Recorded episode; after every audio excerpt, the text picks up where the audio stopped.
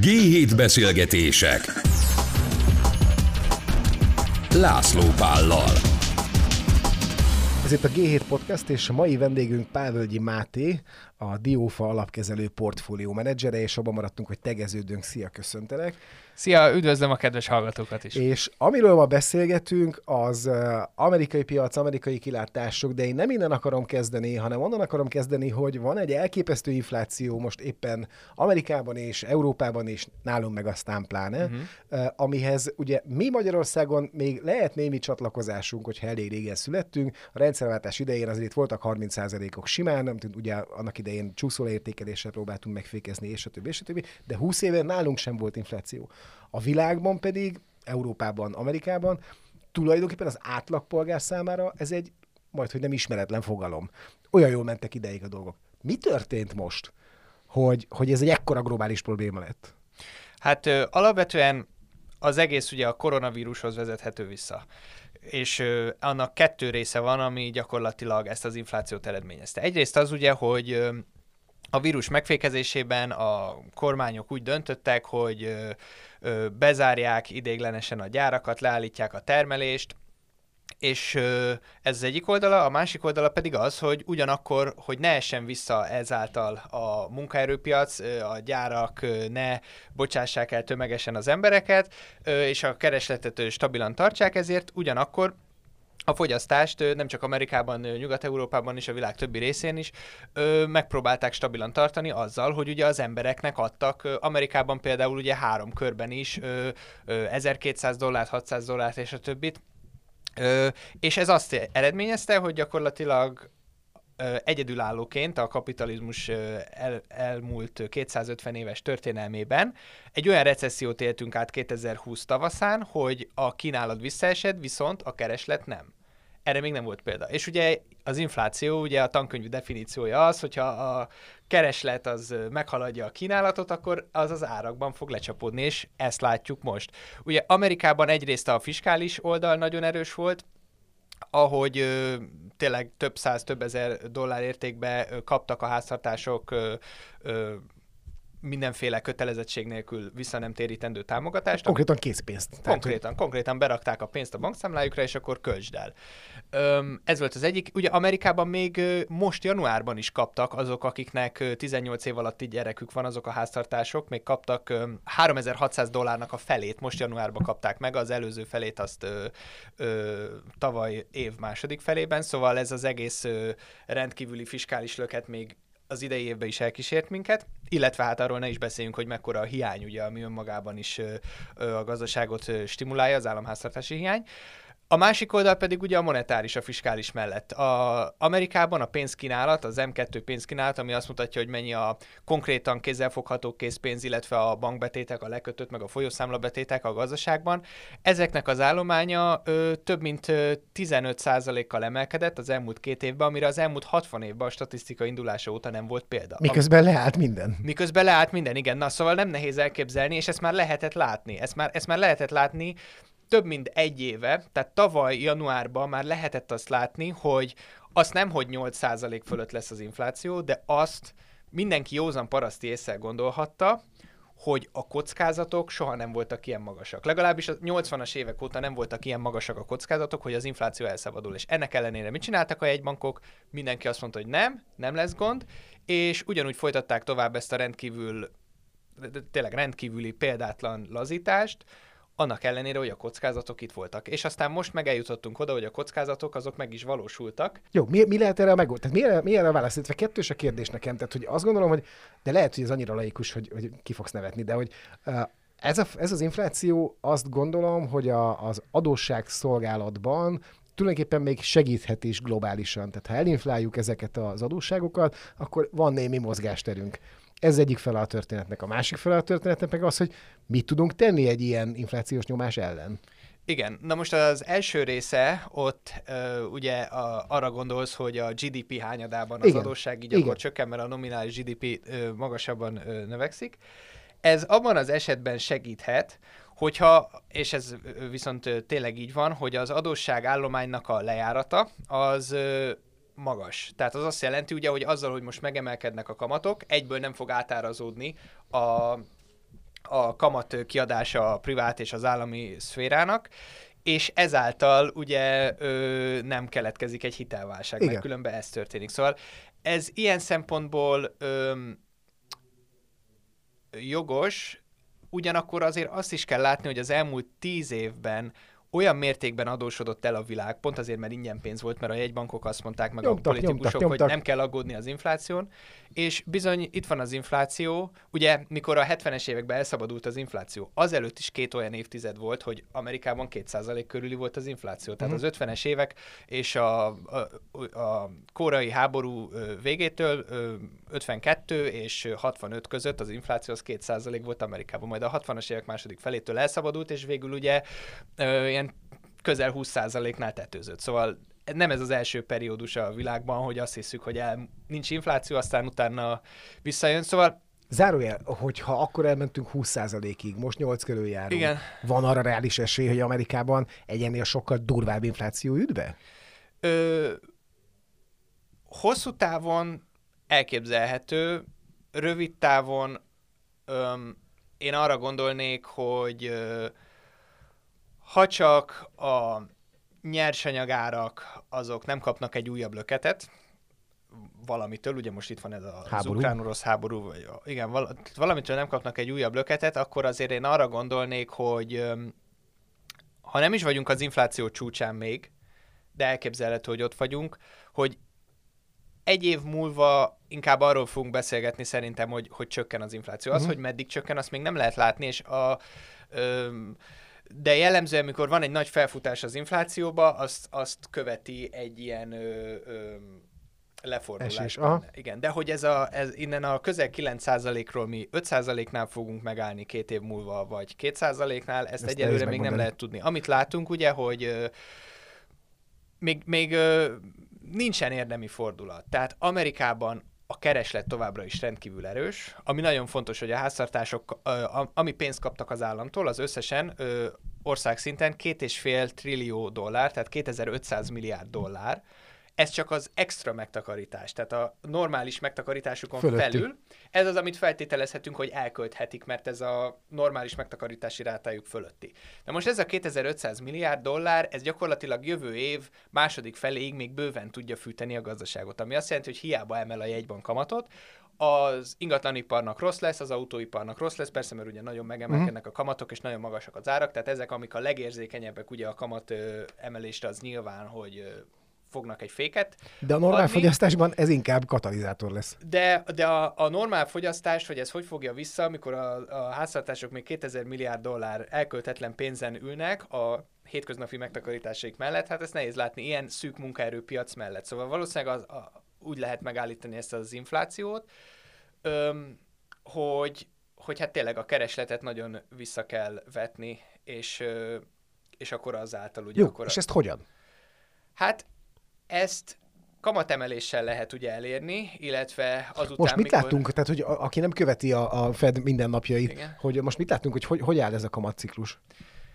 Hát ugye most 1 ig emeltek. Az év elején az ö, 25 bázispont volt ugye a, a, az alapkamat ö, teteje, most ez fölment 1% ra Egészen csütörtökig addig azzal lehetett számolni, hogy ö, még egy ö, 50 bázispontot most ö, a szerdai ö, ö, kamadöntő ülésen fognak emelni, azonban olyan brutális lett az infláció, ugye hó per hó alapon 1%-ot emelkedett az infláció, amit hogyha évesítjük, az ugye durván 12%, kicsit több. A Fed itt a jó lépés valószínűleg az, szerintem, hogyha egy meglepetéssel a vártnál magasabbat emel. Csak ezzel az a baj, hogy kijött ez az inflációs report, és most már mindenki elkezdte ö, ezt a 75 Beárazni. bázispontról beárazni, igen, illetve a Fed is már megszellőztette, tehát a különböző újságok, a Reuters, a, a Bloomberg, a, a CNBC, Wall Street Journal, mindenki elkezdett arról beszélni tegnap óta, hogy jön a 75 bázispont, valószínűleg azért, mert a Fed az Sugott. sugott nekik egyet, hogy mégse legyen akkora meglepetés, szóval így ez kevésbé lesz szerintem hatékony, tehát ne felejtsük el, hogy ö,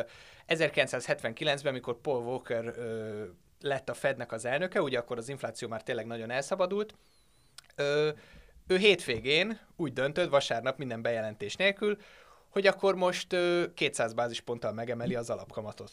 Na, hát az megfogta az inflációt. Tehát ott akkor látták, hogy ennek az, ő, ez az ember tényleg azért van itt, hogy megállítsa az inflációt, és sikerült is. Most látunk ilyen jeleket?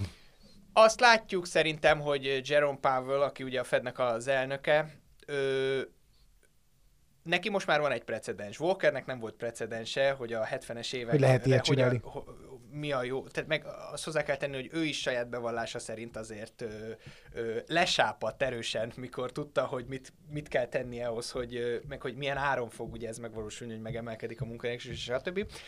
Viszont Powellnek már van ez a precedens előtte, ott van a történelmi példa, amit ismer, és ö, ahogy én hallom a nyilatkozatait, eléggé eltökélt hogy abban, hogy tényleg ezt az inflációt megfékezzük. De ugye, ahogy azt mindenki tudja, a monetáris politika az ugye nem azonnali hatással bír. Főleg így, mikor a háztartásoknak ekkora megtakarítása van. Tehát azzal, hogyha most megemelnék egyből az alapkamatot 8%-ra, vagy mondjuk a következő fél éven belül, azzal többet ártanának valószínűleg, mint, mint segítenének, mert a piacok akkor szétesnének, és ugye, mint tudjuk, a piac az nem csak tükrözi a gazdaságot, hanem be is befolyásolja is azt. Tehát nem csak a részvénypiac, hanem főleg ami még fontosabb, ugye a kreditpiac, hogyha nem, nem kapnak hitelt a vállalatok, mm. és mhm. sorra csődölnek be, szóval az ilyen az, az többet ártana, mint használna. Ezért szerintem ezt az inflációt most azt nem tudom, ezt mondom még, hogy nem lehet látni, hogy például ezek az ellátási láncok mikorra fognak megjavulni. Ezt még senki nem látja. Öm, tehát például tegnap mondta a DHL-nek a vezérigazgatója, ugye az egyik legnagyobb szállítmányozási cég, hogy hát szerintem még 2023-ban se lesz olyan ö, ö, olyan állapot, mint a... Olyan állapot a, a, a, a szállítmányozási piacon, mint a vírus előtt, 2019-ben. Mhm. Jelenleg senki nem tudja. Most az autóiparban most már jönnek a jó hírek, hogy meg, megoldódik ugye ez a chip hiány, és ezáltal több autót tudnak gyártani, mert hát például vannak olyan képek, hogy ott van a Fordnak a gyárterepe Michiganbe, és készen vannak az autók, csak hiányzik egy két dolláros chip, de hát egy két dolláros chip nélkül nem megy az elektronika, és, és emiatt akkor nem tudják eladni, de hogy amúgy már készen vannak ott. Szóval ez lehet ugye akkor egy nagy ilyen, ö, hogyan mondják ezt, ö, dezinflációs nyomás, mm. ugye csökkenti az inflációt, hogyha ezek, ezek megoldódnak, de hát például ez a kínai, kínai helyzet rövid távon valószínűleg még rosszabbítani fogja, ugyanis az történt, ugye lezárták Shanghai-t, ö, ami Kína legnagyobb kikötője, az a, az a terület, és most ugye feloldottak a korlátozások, és korábban is az volt, ugye, hogy most tök jó, most akkor az ellátási láncok az előző hónapokban Amerikában, meg, meg Európában is fel tudtak lélegezni, mert nem jöttek hajók Kínából, de azért, mert azok várták, hogy bemehessenek a kikötőbe, felpakoljanak és jöhessenek. Na most azok a hajók bemehetnek most már, uh-huh. ezért most már szépen meg fognak fordulni, és megint ott fognak Amerikában, meg Európában ö, ö, várakozni. Szóval rövid távon ez, ez, ez rontani fogja, de vannak már olyan ö, ö, ö, jelek, tehát például ez az ellátási láncok, mondom, inkább kérdőjel, mint sem, mint sem, hogy biztosak lehetünk benne. Ezért is szigorít ugye a jegybank, és ezért is fog 75 bázispontot emelni holnap valószínűleg, mert... Ezt a holnapot ezt azért tegyük rendben, mert hogy igazság szerint ezt a, a műsort mi most 14-én vesszük fel, tehát hogy igen. aki, aki később hallja, az is tudja, igen. hogy hogy néz ki szerda, szerda, június 14, igen, igen. magyar idő szerint este 8 óra, valószínűleg akkor fog 75 bázispontot bevágni Powell. Ö, egy közbevető kérdésem van, hogy a kriptopiac összeomlása, Igen. az mennyire van összefüggésben ezzel? Abszolút mértékben. Tehát ez és ott mire számítunk? Tehát most azért ott eléget nem is tudom hány, 2000 milliárd dollár, vagy nem tudom, igen, igen, mennyi. igen, igen, Tehát igen. kb. annyi, mint amennyi megtakarítás egyébként látszik Amerikában. Igen. Ez a plusz pénz, ez most ott elégett, és azért igen. Amerikában azt gondolom, vagy nem tudok rá pontos számokat, de te lehet, hogy azért a kriptopiac eléggé ott van uh, az amerikai háztartások közelében. Igen, igen, tehát e, ez is egy fél, ugye ez a 2000 ö, milliárd, ami elégett, ez ugye nem csak Amerika, hanem ez ugye világszinten.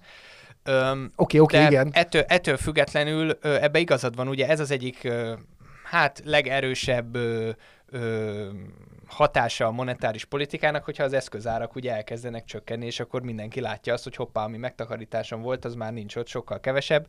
Szóval ö, ez, ez, ez is adhat egy, ö, egy ö, a magas árak mellett, ö, meg ugye a csökkenő részvény és, és kreditpiacok mellett egy olyan egy olyan löketet, ami, ami az, azt ö, ö, segíti elő, hogy az infláció innen már a következő 12 hónap során inkább lejjebb menjen, mert hogy a kereslet csökken, az ellátási láncok feltehetően javulni fognak, de az, hogy meddig fog visszacsökkenni az infláció, azt még nem, nem lehet megmondani, ugye, mert a munkaerőpiac rendkívül erős, tehát olyan erős, mint 60 éve. Vagyis inkább úgy mondom, hogy az elmúlt 60 Mhm. évben a legerősebb szinten van. Az inflációs vállalkozások most már kezdenek elszabadulni, vagy azt is mondhatom, hogy elszabadulnak. Ez a másik legfontosabb, ugye, hogyha a fogyasztók arra számítanak, hogy magas lesz az infláció, akkor, akkor kérnek fizetésemelést, és a cégek emelnek, és ugye ez az a spirál, amit próbálnak elkerülni a jegybankok, és nem sikerült, mert Uh-huh. megemelkedtek a várakozások, illetve még a ciklikus, tehát a lakbérek nagyon erősen mennek, ugye Amerikában a maginfláció 40%-a az a, a lakhatás, van. Mhm. igen. Ö, úgyhogy, úgyhogy, úgyhogy ezért az egyik oldalon is vannak pozitív faktorok, de vannak negatív faktorok is, és ezért nem lehetünk biztosak, hogy az infláció az nagyon vissza fog csökkenni, vagy hogy mikor fog érdemben visszacsökkenni, és ezért még azzal számol a piac is, hogy a monetáris politika szigorodni fog, és ugye a bitcoin, meg az ethereum, meg az összes többi ilyen, az ugye arról szólt az elmúlt évben, az én véleményem szerint, hogy az embereknek, az emberek kaptak 1200 dollárt, a fiatalok ugye nem tudtak mit csinálni, de látták, hogy a bitcoin az hetente megy föl ö, 10-20 százalékot, jó, akkor rakjunk be, sok pénzt kerestünk. Öm, én is találkoztam tehát nek, mindenkinek már Magyarországon is vannak ugye Igen, ilyen ismerősök. ismerősei, és, és hát bizony a legfontosabb meghatározója ezeknek a spekulatív mániáknak az ugye a likviditás. Mikor a likviditás megfordul, az rányomja mindenre a bélyegét. Főleg akkor, amikor mögötte nincsen semmi ö, valós érték. Tehát például ugye még, ha nem is a kriptodevizákról beszélünk, hanem ugye van ez az NFT, ez a non-fungible Igen, igen, token, ami a kriptónak lett az egyik ilyen derivatívája, vagy ilyen ö, ö, mellékvágánya, ami ugye arról szól, hogy én megvehetek egy digitális dolog mögötti forráskódot kb. És, ö, ö, És iszonyú piaca, és Isz- iszonyú iszonyú árai vannak. Tehát például ugye van a Twitter. A Twitteren mindenki, a, akinek ö, nyilvános a profilja, ott megtekinthető mások számára az ő tweetjei, ugye, hogy miket üzenget. És, és Jack Dorsey, ő alapította a Twittert, és a mai napig ott van a világ legelső tweetje, valami olyasmi, hogy nem tudom, hello, vagy kb. ilyesmi. És ezt a tweetet te megtekintheted, én megtekinthetem, a hallgatók De megtekinthetik. most valaki minden. megvette, és Viszont ilyen. egy aukción a mögötte lévő forráskódot. Igen. több mint két millió dollárért árulta, és, el, és megvették. Szóval mi De ez- értelme de- van ennek? De Semmi. ez is annak köszönhető, hogy annyi pénzt döntöttünk a lakosságra, hogy ö, annyi megtakarítása van, hogy tulajdonképpen nem is nagyon érdekli? Tehát Nem eze- az, ezek hogy- a felfutások, ezek, ezek ennek a pénzbőségnek köszönhetőek? Pontosan, de nem azért, mert ö, ö, nem érdekli, hanem, Oké, mert, nem, hanem mert nem tud vele mit kezdeni. Mhm. Tehát ugyanez volt az elmúlt 200 évben is, ö, mondjuk amikor a, az angol jegybank, ugye mondjuk a 19. században az angol jegybank volt a világ meghatározó monetáris hatósága, mint ma a Fed.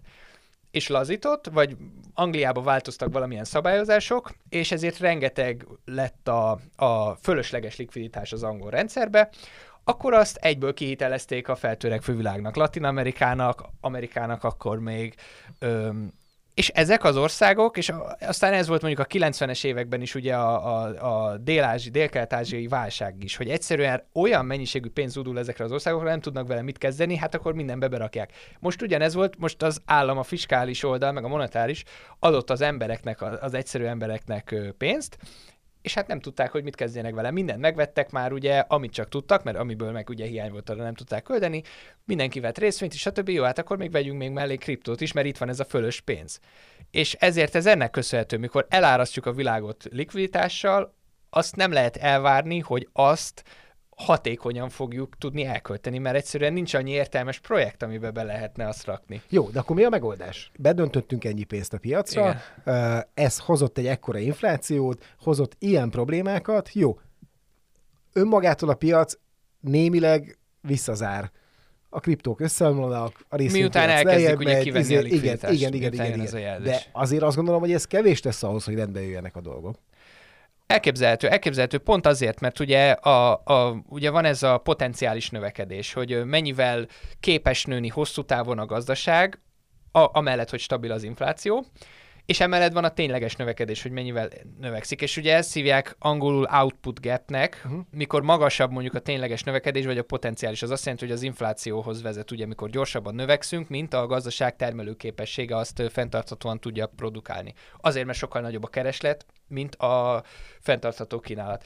És most is ez van, tehát 20-30, ö, a, ez ugye változik mindig, mert ez egy becslés, hogy mi a potenciális ö, növekedés, de a, tavaly például a CBO, az amerikai ö, ö, Congressional Budget Office, aki mindig előrejelzi a kongresszus számára az amerikai GDP-t a, a, és a különböző fő mutatókat, fiskális mutatókat, ő az ő becslése szerint a tavalyi évben a 70-es évek óta nem volt ilyen nagy a tényleges gazdasági növekedés és a fenntartható gazdasági növekedés, pontosabban, bocsánat, nem is a növekedés, hanem a gazdaság szintje. Tehát annyira elszakadt Amerikában a gazdaság, a fenntartható gazdaságtól, hogy ez ugye ilyen hatalmas inflációs nyomáshoz vezet. És erre az a megoldás, hogy ugye ez, ennek a, a különbözetnek csökkennie kell. Uh-huh. És szigorítani kell fiskális oldalon is, monetáris oldalon is, és mivel megemelkedtek már az inflációs várakozások, ugye plusz a háztartásoknak még mindig annyi pénze van, amire soha nem volt példa az elmúlt 100-200 évben, hogy nem lehet az várni, hogy az infláció egyik évről a másikra csak úgy vissza fog esni 2%-ra. Elképzelhető, de erre számítani, tehát mint, mint várható uh-huh. érték, az, az szerintem Te mit mondasz? Tehát, hogy rossz egy magyarországi podcast stúdióból jósolgatni, én ezt értem, de hogy te mit mondasz, hogy, hogy ez a fajta infláció, ami Amerikában van most, mikor állhat vissza egy ilyen 2-3 százalék körüli ilyen egészséges szintre? Hát, ha megnézzük, hogy mi volt a 70-es években például, a 70-es években mondtam az 50-es, 60-as évek, az 50-es évektől elkezdve a 60-as évek közepéig ott 2% körül volt az infláció. Majd a 60-as évek második felébe ugye a Lyndon B. Johnsonnak a vietnámi háború és a fantasztikus társadalom, ilyen szociális programoknak köszönhetően megemelkedett az infláció, és egészen fölment 6%-ra. És aztán akkor utána a 70-es évek elején különböző ö, intézkedéseknek köszönhetően ez kicsit visszacsökkent, de nem 2%-ra csökkent vissza, hanem mondjuk 3, 3 és fél. Majd utána jött 73-ban ugye az olaj ö, embargó, ö, és a mezőgazdasági ö, termékek nagyon megugrottak, mert nagyon rossz volt akkor pont a szezon, mint most is egyébként. Igen. Ez, ö, és, és ez a következő néhány évben nem is nagyon fog változni. Igen, és akkor felfutott 73-74-ben az infláció, mondjuk, hát nem emlékszem pontosan 8-9 százalékig, és aztán visszacsökkent, de akkor már nem is, hogy nem 2 százalékig, vagy nem is 3,5-4 százalékig, hanem mondjuk 5-6 százalékig. És aztán onnan megint egy újabb kör föl. Szóval és Most is valami hasonló fog következni 15, 15 év alatt ö, sikerült végül az inflációt normalizálni. És most ezt nem lehet ugye, hogy az volt a múltban, és Akkor most is, most is ez lesz, lesz de, de az elképzelhető, hogy mondjuk mondom erről a 8-9 százalékról visszacsökkenünk egy 5-6 százalékra, vagy mondjuk 4, vagy akármi, és viszont a gazdaság, ugye az fontos látni, hogy a monetáris politika a keresletet elsősorban sokkal jobban ö, befolyásolja, mint magát az inflációt. Tehát a tényleges gazdasági növekedés rövid távon, mondjuk 12-24 hónapos távon sokkal jobban visszaeshet, mint az infláció csökkent. Tehát lehet az, hogy mondjuk jövőre valószínűleg egy recessziót fogunk látni Amerikában, most ez lehet, hogy az év második fele, mert még ugye olyan magasak a megtakarítások, de az infláció nem 2% lesz, vagy az alatt ugye, amikor e- egyértelmű lenne a jegybanknak, hogy jó, akkor most lazítsunk, mert van egy recesszió, meg egy alacsony infláció, hanem van egy magas infláció, ami mondjuk 4-5 százalék, de recesszió van, ezért akkor mit fognak csinálni? Akkor lazítani fognak, azért, mert az infláció visszaesett, és hát egy, mivel olyan magas, amiről beszéltünk az adósságállomány a gazdaságban, azt ugye egy év alatt nem fogja tudni a rendszer ö, fel, feldolgozni, mm-hmm. és felemészteni, és ö, leépíteni, akármilyen az infláció. Ö, ezért akkor könnyen elképzelhető, hogy akkor újra lazítani fognak, és, és ez egy újabb fölfele És ez egy tartó... újabb fölfele, nem biztos, hogy már még följebb megy, de hogy, de hogy egy tartósan magasabb inflációs környezet az a következő tíz évben, amíg és ez azért kell, mert amíg ezt a hatalmas adósságállományt, amit az elmúlt 10-20 évben felépített a világ, ezt, ezt feldolgozzuk, azt nem lehet egyik évről a másikra. Tehát elképzelhető, hogy egy ilyen, egy ilyen stop-go ö, rendszerbe fog működni, hogy magas az infláció, szigorítunk, visszacsökken picit, recesszió, ö, akkor lazítunk. utána újra lazítunk, megint magasabb az infláció, és emellett, tehát ez a, ez a ciklikus komponens és a trendszerű meg az, hogy az adósságállomány, mivel egy magas inflációs környezetben az emberek kevésbé mernek, a vállalatok kevésbé mernek és tudnak eladósodni, ugye magasabbak a kamatok, nagyobb a kockázat, uh-huh. több, több és gyakoribb a recesszió, ezért az adósságállomány folyamatosan épül le, és mondjuk a 2030-as évekre, tehát csak mondom, hogy elképzelhetőnek tartom, ugye fogalmam sincs, hogy mi lesz tíz év múlva, de hogy, de hogy egy ilyen környezet lesz, ahol a következő években tartósan magasabb lesz az infláció, rövidebbek lesznek a ciklusok, és rendszerűen épül le a, az adósságállomány, és akkor ennek a végére juthatunk el oda, hogy hogy, hogy az infláció újra, újra visszamegy 2%-ra. Na De- most ezt nyilván, bocsánat, még csak annyit tennék hozzá így nem is zárójelbe, hogy ugye, hogyha viszont az ellátási láncok egyik napról a másikra, vagy nem is az, hogy egyik napról a másikra, tehát, hogy tényleg tartósan, rövid távon ö, tudnak rendeződni, öm, a, amit én, ne, meg szerintem senki nem tud számszerűsíteni, hogy az mit jelent, hogyha tényleg ö, minden visszaáll, mert ugye itt van a keresleti komponens is, meg az elszakadt ö, várakozások is, meg minden, de hogyha, de hogyha a, az ukrán háború megoldódik, és a mezőgazdasági árak is ö, normalizálódnak, és mellette a csippek is, ugye most a csippekről is mondják, hogy hát még elképzelhető, hogy 2024-ben se lesz elég ö, ö, most nem erről az 5 dolláros csipekről beszélek, hanem ami az ilyen quantum computing, meg az ilyenekhez szükséges. Szóval, hogyha ezek gyorsan megoldódnak, akkor elképzelhető, hogy, hogy rövidebb lesz az infláció, vagy bocsánat, alacsonyabb lesz az infláció, de ezek miatt, amikről beszéltünk, én, én könnyen el tudom képzelni, hogy a 2%-ot azt nem egy hamar fogjuk látni újra. Nem sportszerű a kérdés, mert nem ez a szakterületed, de mondjuk minket, Igen, ez hogy érint? Tehát, hogy a mi kilátásainkat, igen. és tudjuk a problémáinkat, tudjuk Igen. a most éppen 400 forint körül lévő eurót, Igen, tudjuk igen. az Európai Uniós pénzek nem jövetelét, és a többi, Mhm. és a többi, és a többi, és a nagy kiköltekezést, és a hatalmas költségvetési hiányt. Minket ez a fajta láthatóan hosszú ideig tartó amerikai probléma, ez hogyan, minden bizony nagyon, de hogy hogyan befolyásol? Ö, még annyit tennék csak hozzá, hogy ez, ez nem is csak amerikai probléma, ez ugye Nyugat-Európában is. Igen. Annyi pénzt kaptak, ott is a GDP ö, 8-9 százaléka az, ami most ö, többlet megtakarítás a háztartásoknál. Angliába hasonló. Tehát, ö, tehát, ö, tehát ott is van egy hatalmas keresleti komponens, ami, ami miatt az infláció ö, tartósabban tud maradni. Ö, szóval, hogy a világban van ez a nagyon magas infláció, hát ez nyilván az importon keresztül ugye Magyarországnak is nagyon rossz, amire, hogyha rájön ugye egy gyengülő deviza, akkor az, az még kedvezőtlenebb. Kisország vagyunk, kiszolgáltatottak vagyunk, ugye a tévé, amit veszünk, gondolom, az autóknak, a meg a igen. bútorok, stb. nagyon sok mindent importálunk, gyerekjátékok, stb. Úgyhogy, úgyhogy hát, Szóval nem, nem jók a kilátások, fogalmazunk így. hát most a Még világon, akkor se, a világon nálunk minden nem jók rendben a van. kilátások. És ha nálunk minden rendben van, még akkor sem jók a kilátásaink, hiszen kicsik vagyunk és kiszolgáltatottak. Gondolom, igen, de én tényleg Igen. Magyarországgal Igen, ne- igen, nem- nem, nem ezért tudok jöttem. nagyon szakvéleményt mondani. Hogy, és akkor egy kicsit egy nagyobb körben, hogy ami az Unióban látszik probléma, ugyanilyen típusú probléma, uh, annak te látod-e bármilyen hasonló kezelési módját, mint ami Amerikában zajlik? Tehát, hogy mennyire vannak pariban ezek a folyamatok? Hát ö, lemaradóban van Európa, de gyakorlatilag ugyanaz a tendencia. Tehát csak inkább úgy mondom, hogy később valósulnak meg a Mhm. dolgok. Azért, mert Amerikában sokkal hamarabb, sokkal nagyobb ö, lazítást raktak be, ezért, De hogy sokkal gyorsabban... szabadabb is a piac, meg minden sokkal szabadabb, azt gondolom, tehát az is benne van ezért. Igen. Igen, sokkal gyorsabban lezajlottak ezek a, az inflációnak a felfutása, de Európában is. Európa ráadásul sokkal kiszolgáltatottabb, ugye az energiatéren, egyrészt Oroszországnak, másrészt ugye kevesebb, Európa, kevesebb energiát tud belföldön is megtermelni. Agrártermékek is ugye Ukrajnából, Oroszországból jönnek, szóval itt ez a probléma sokkal súlyosabb. Keresleti oldal hasonló, bár kevés, az, az kisebb, szóval Európa olyan szempontból rosszabb helyzetben van, hogy a, a recesszió az talán kicsit hamarabb jöhet el, az infláció pedig talán magasabb a, Mhm. a, a, a kínálati oldalról. Ugye az Európai Központi Bank ö, ennek, hát nem azt mondom, hogy ennek megfelelően, hanem inkább a, a Fed ö, Fedet ö, ö, Támogatva? a, hát vagy inkább a Fedet ö, másolva, Másolva. vagy követve, ő Én is meg, akartam meg, mondani. megpróbál ö, szigorítani, kamatot fog emelni, valószínűleg normalizálódni fog a kamat, de hogy túl mag, tehát hogy olyan szintű kamatokat valószínűleg nem fog tudni produkálni, mint ö, Amerikában a jegybank, Ugye azért, mert itt van Görögország, itt van Olaszország, a, ahol nagyon magas az adósság, a gazdaság ö, ö, versenyképessége az alacsony, tehát gyakorlatilag növekedés nincs, hanem inkább stagnálás, ugye Görögország az depresszióban van tíz éve, Öm,